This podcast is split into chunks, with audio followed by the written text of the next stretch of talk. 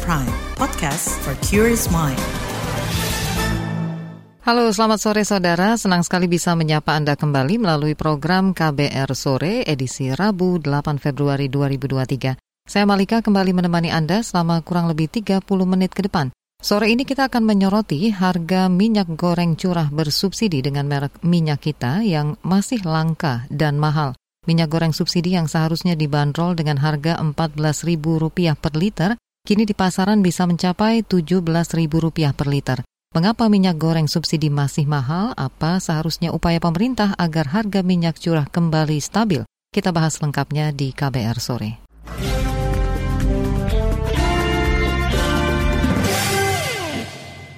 Menteri Perdagangan Zulkifli Hasan mengklaim menemukan 500 ton minyak goreng curah kemasan sederhana dengan merek dagang minyak kita tersimpan di gudang penyimpanan perusahaan PT Bina Karya Prima BKP. Zulkifli Hasan mengatakan temuan itu diperoleh saat melakukan inspeksi mendadak ke perusahaan di Marunda, Cilincing, Jakarta Utara. Zulkifli mengatakan akan menyerahkan temuan itu kepada Satuan Tugas Pangan Polri untuk didalami jika ada indikasi penimbunan. 155 ribu liter atau 500 ton. 500 ton itu artinya setengah juta. Ya, juta. Ya, setengah juta. E, setengah juta lebih liter. Atau kalau botolnya satu literan ya satu setengah juta botol lebih. Betul, Kalau yang satu literan. Di sini e, ditemukan belum dikirim oleh e, perusahaan BKP ini Eh, dengan dasar mereka katanya belum dapat DMO tapi udah lama sekali ini produksi bulan Desember. Menteri Perdagangan Zulkifli Hasan mengatakan ratusan ton minyak goreng curah merek minyak kita itu akan segera dipercepat distribusinya ke masyarakat, terutama di Jawa, menyusul Sumatera. Sebelumnya Zulkifli mengatakan langkanya minyak kita di pasar karena konsumsi masyarakat yang melonjak. Ia mengklaim banyak konsumen minyak premium kini beralih ke minyak goreng merek minyak kita itu. Ya, jadi semua orang sekarang kalau cari minyak goreng, minyak kita. Jadi ya rebutan kan e, jatahnya 300 ribu ton. Dulu untuk di pasar saja kan. Sekarang masuk supermarket, masuk retail modern, ya jadi barangnya kurang gitu. Harganya tetap nggak boleh naik. Kalau naik didenda, dipenalti. Karena ada putusan Menteri Perdagangan harga eceran tertinggi 14 ribu, nggak boleh naik. Jadi kalau jual lebih ya kena penalti. Nah caranya gimana? Ini mau lebaran. Ya, saya udah panggil semua kemarin, udah teken tuh semua. Dinaikin suplainya. Kemarin 300 ribu ton per bulan, tambah 50% jadi 450 ribu ton sebulan. Ya, mudah-mudahan nanti dua minggu lagi sudah banyak barangnya. Itu tadi Menteri Perdagangan Zulkifli Hasan. Di tempat lain, Menteri Koordinator Bidang Kemaritiman dan Investasi Luhut Binsar ikut turun tangan menyelesaikan mahalnya minyak goreng curah kemasan sederhana ini. Luhut meminta Menteri Perdagangan dan Menteri Perindustrian menambah pasokan wajib dari pengusaha minyak sawit atau DMO. Luhut meminta agar 66 persen hak ekspor sawit didepositkan dulu dan tidak digunakan sementara waktu. Wanti-wanti harga pangan naik khususnya beras dan minyak goreng sudah diingatkan Presiden Joko Widodo beberapa waktu lalu. Presiden meminta seluruh pemangku kepentingan segera mengantisipasi dan menyelesaikan kendala yang terjadi. Betul-betul harus diwaspadai mengenai yang pertama urusan beras, yang kedua yang berkaitan dengan minyak, minyak goreng. Sudah dilihat betul. Itu tadi Presiden Joko Widodo. Nah, saudara usai jeda, kami akan sampaikan laporan khas KBR menyoroti dugaan program biodiesel B35 menjadi penyebab langkanya minyak kita. Tetaplah di KBR sore. You're listening to KBR Pride, podcast for curious mind. Enjoy!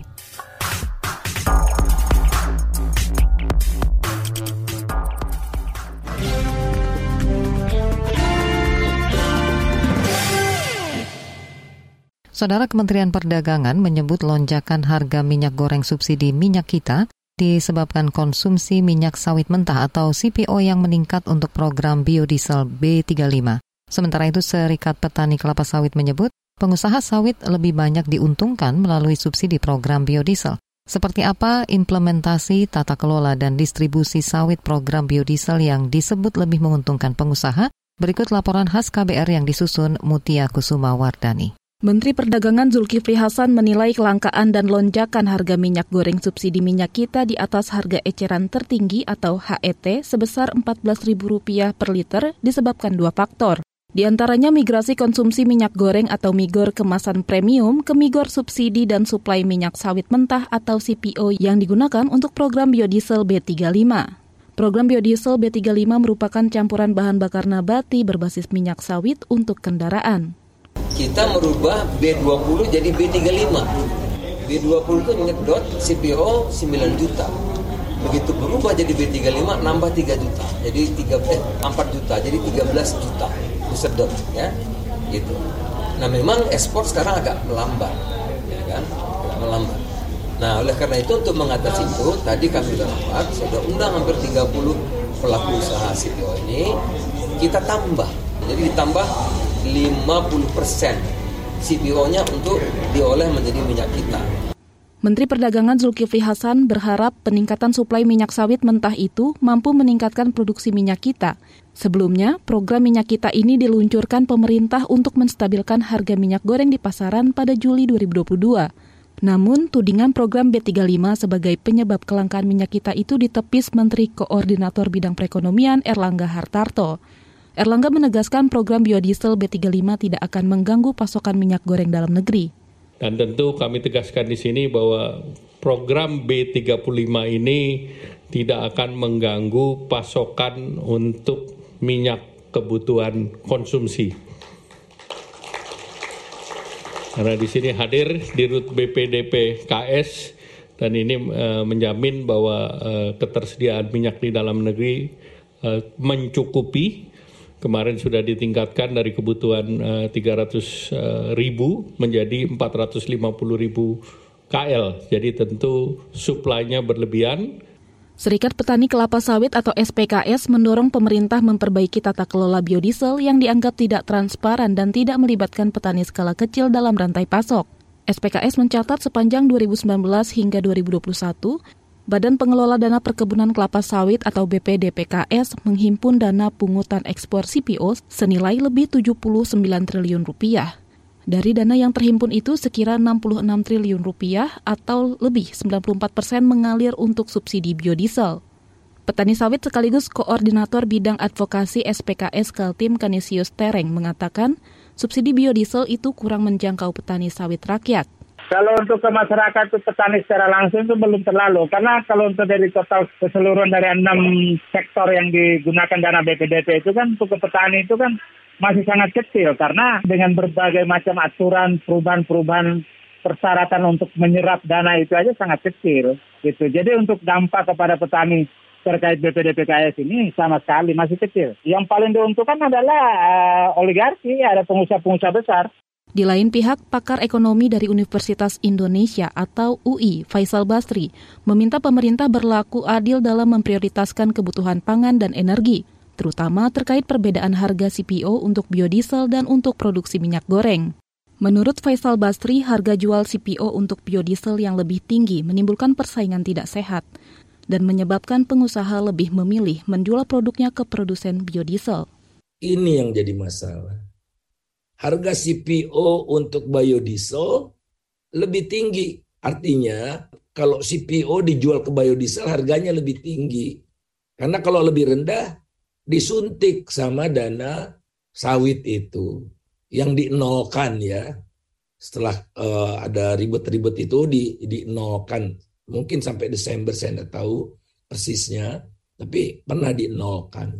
Pak Edi tadi mengatakan ada 40 persen dihasilkan oleh petani kecil, tapi dipajakin. Ekonom senior Faisal Basri menambahkan, pengusaha yang menjual CPO ke biodiesel mendapatkan insentif dari Badan Pengelola Dana Perkebunan Kelapa Sawit. Hal ini membuat persentase penjualan CPO ke industri biodiesel meningkat dan lebih besar dari penjualan untuk kebutuhan minyak goreng, sehingga terjadi kelangkaan minyak goreng subsidi. Mengutip data Gabungan Pengusaha Kelapa Sawit Indonesia atau GAPKI, tahun 2022 produksi CPO turun seiring penurunan jumlah ekspor. Faisal mengatakan penurunan jumlah ekspor lebih besar ketimbang penurunan produksi karena ada peningkatan konsumsi dalam negeri yang cukup tinggi, dari 18 juta ton pada 2021 menjadi 21 juta ton 2022. Oleh karena itu, ia menegaskan tidak terjadi kelangkaan minyak sawit mentah di dalam negeri. Demikian laporan khas KBR yang disusun dan dibacakan Mutia Kusumawardani. Saudara polemik harga minyak goreng curah mendapat sorotan parlemen, apa tanggapan dan evaluasinya? Selengkapnya usai jeda, tetaplah di KBR sore. You're listening to KBR Pride, podcast for curious mind. Enjoy!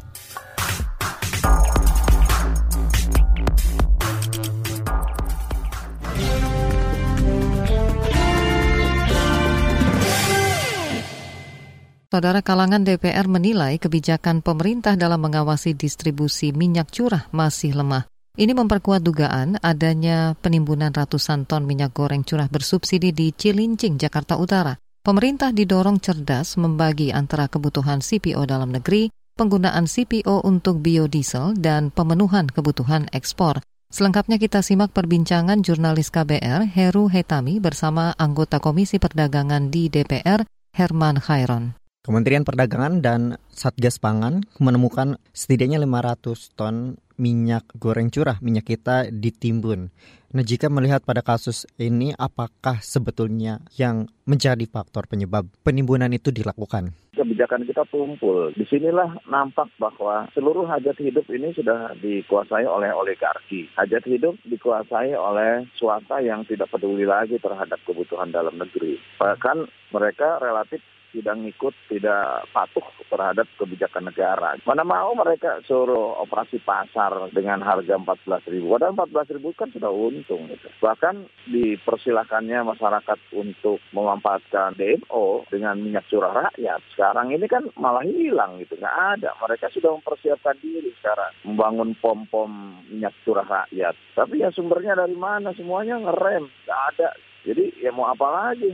Kebijakan negara seperti ini ya harus ada dirubah secara total lah. Ke depan mudah-mudahan ada perubahan dan perbaikan negeri ini. 30 persen kekuasaan hajat hidup masyarakat ini dari sumber daya alamnya yang memang dibutuhkan oleh rakyat Indonesia dikuasai sepenuhnya oleh bangsa kita. Kan ada BUMN, dia kan BUMN menguasai itu dan ini merupakan pembanding untuk bisa melawan oligarki, untuk melawan mafia-mafia, untuk melawan kartel. Yang hmm. sekarang mereka tidak peduli lagi terhadap kebutuhan rakyat. Bagi mereka yang penting cuan untung. Gitu. Yang penting bagi mereka dagangan mereka laris manis dan untung. Saya kira ini persoalan sangat fundamental. Sehingga kalau saja 30 persen kita bisa kuasai di sektor hulu, paling tidak itu menjadi penguasaan di sektor hilirnya juga bisa 35-40 persen. Karena kan ada sawit rakyat yang 40 persen bisa dikuasai juga melalui hilir resesinya BUMN. Kondisi ini juga mengakibatkan harga minyak kemudian mahal di pasar. Nah apa dan bagaimana upaya yang harus dilakukan untuk menurunkan harga minyak? Semestinya tetap bahwa untuk pemenuhan kebutuhan dalam negeri yang hanya 13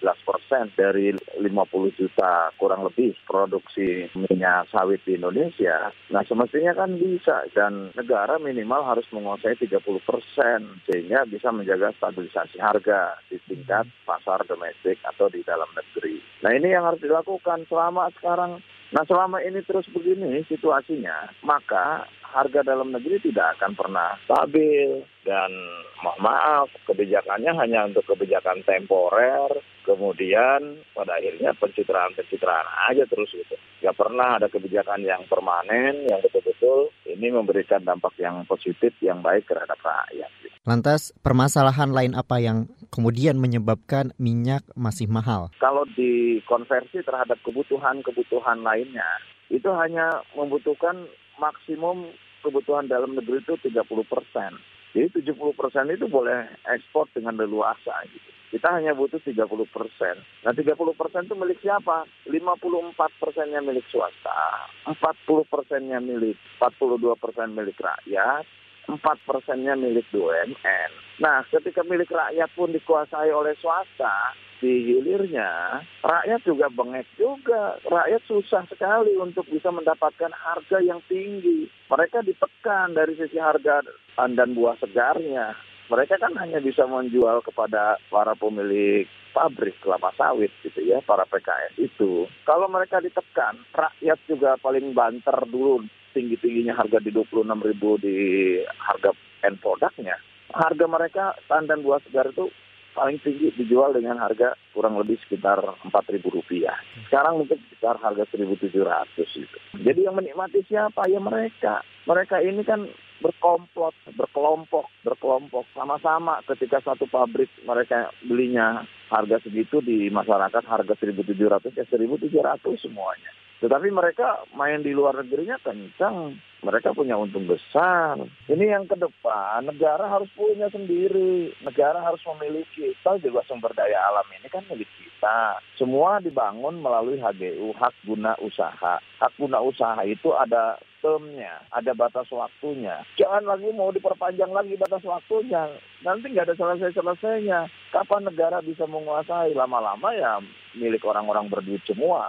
Kalau negara tidak menguasai, yang susah rakyat. Karena rakyat tidak mampu untuk melawan kekuatan kapitalisnya mereka. Mereka sudah terlalu kuat sekarang untuk menguasai sumber daya alam kita. Nah yang bisa melawan adalah negara melalui kebijakan dan kemampuan keuangan negara. Itu tadi anggota Komisi Perdagangan di DPR, Herman Khairon, dalam perbincangan bersama jurnalis KBR Heru Haitami. Sementara itu Satgas Pangan Polri menyebut langkanya minyak kita di pasar-pasar tradisional akibat pendistribusian ratusan ton yang belum dilakukan.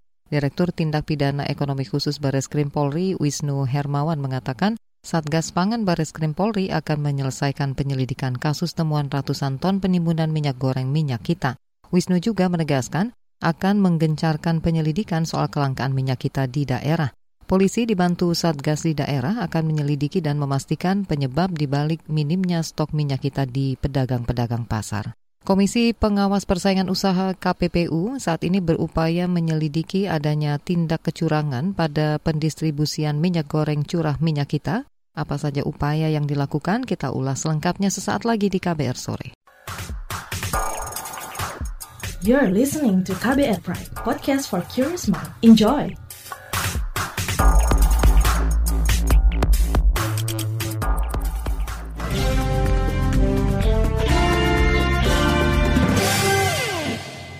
Saudara Komisi Pengawas Persaingan Usaha KPPU menyelidiki dugaan praktek persaingan usaha tidak sehat pada produk minyak goreng curah bersubsidi kemasan sederhana merek minyak kita. Direktur Ekonomi KPPU Mulyawan Rana Manggala mengatakan, salah satu permasalahan distribusi minyak goreng minyak kita adalah tidak ada pengiriman dari produsen maupun distributor utama ke distributor dan pengecer. Sedangkan terkait harga minyak kita di atas HET, berkaitan dengan keterbatasan stok di tingkat distribusi. Berikut wawancara jurnalis KBR City Sadida dengan Direktur Ekonomi KPPU Mulyawan Rana Manggala. Soal distribusi minyak kita begitu Pak ya. Minyak ini sudah mulai langka kembali. Sebetulnya kendala apa sih Pak di lapangan yang menyebabkan kelangkaan saat ini itu terjadi untuk produk minyak kita? Jadi berdasarkan penemuan teman-teman di Kanwil ya, kelangkaan minyak kita ini adalah tidak dikirimkannya stok minyak kita ini baik itu dari produsen maupun distributor utama begitu. Nah kami mencari penyebabnya mengapa ini ada hambatan untuk pengiriman baik itu mungkin dari produsen maupun dari distributor utama apa yang menjadi penyebab hambatannya pengiriman kepada distributor yang lebih kecil dan penjual retail dan mengapa juga harganya kok sepertinya di tingkat distributor pun naik gitu sehingga harganya melebihi dari harga HET yang telah ditetapkan oleh pemerintah.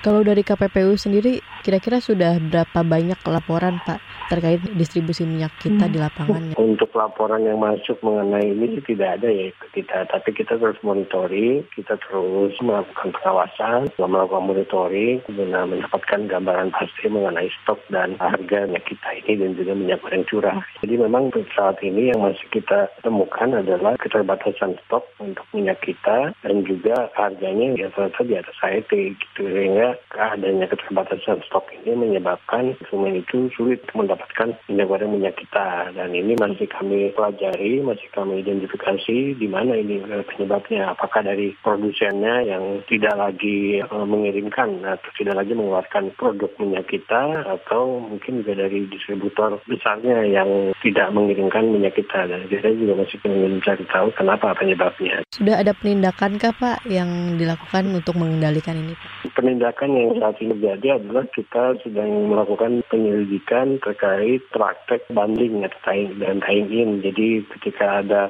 retailer yang ingin membeli minyak kita, dia diwajibkan untuk membeli produk-produk lain yang dilakukan oleh distributor. Penyelidikan itu dilakukan di Kanwil 4 di Surabaya di daerah kerjanya itu menemukan ada distributor yang membanding minyak kita dengan produk lain dan itu sudah merupakan indikasi praktek persaingan usaha tidak sehat dan saat ini sedang dilakukan penyelidikan. Menurut pencermatan KPPU, upaya apa lagi yang kira-kira perlu dilakukan agar distribusi minyak kita ini tidak bermasalah? Pemerintah perlu memastikan ya stok minyak kita ini dan juga distribusinya berjalan dengan lancar. Seperti waktu pertama-tama kali awal minyak kita ini dilanjutkan. Jadi kan memang ini kejadian ini baru berjalan dua bulan. Selama ini kan semenjak minyak kita diluncurkan dari bulan Juni atau Juli itu tidak ada permasalahan itu bahkan minyak kita ini sangat membantu sekali bagi masyarakat kelangan menengah ke bawah dan juga untuk industri kecil mikro dalam menjalankan kegiatan usahanya, terutama untuk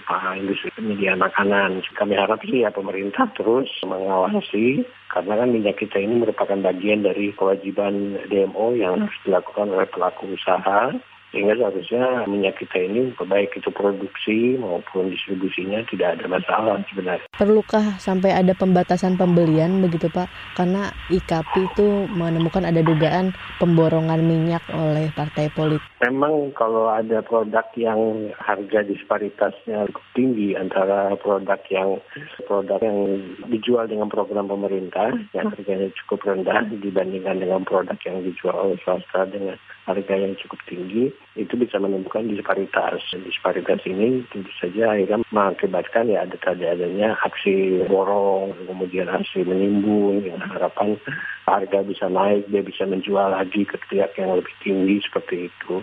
Nah, tentu saja ini perlu mendapat perhatian dari pemerintah maupun Satgas Pangan untuk memastikan bahwa distribusi minyak kita ini eh, berjalan lancar. Dan juga mungkin karena kalau misalnya minyak kita ini supply-nya itu sangat terbatas dibandingkan permintaannya ya mungkin memang harus dibatasi. Tapi kalau misalnya sebenarnya kan kalau kita melihat minyak goreng kita ini kan sebenarnya tidak ada permasalahan supply. Sebenarnya yang ada adalah pembatasan produksi ataupun pembatasan distribusinya seperti itu. Jadi harapannya sih saya tidak perlu sampai ada pembatasan pembelian ya karena kan supaya ada adanya alternatif minyak goreng yang murah berada di masyarakat itu yang dapat terjangkau oleh seluruh masyarakat itu bisa dibeli oleh siapa pun. Yang perlu dipastikan adalah tidak adanya pihak-pihak yang melakukan pembatasan produksi ataupun penimbunan stok. Itu tadi Direktur Ekonomi Komisi Pengawas Persaingan Usaha KPPU Mulyawan Ranawanggala dalam wawancara bersama jurnalis KBR Siti Sadida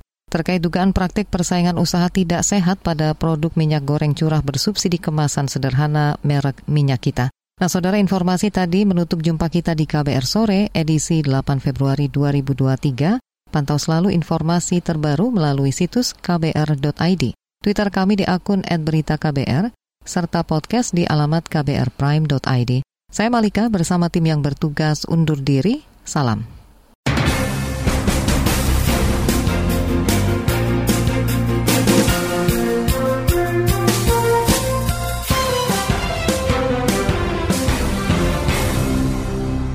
KBR Prime, cara asik mendengar berita. KBR Prime, podcast for curious mind.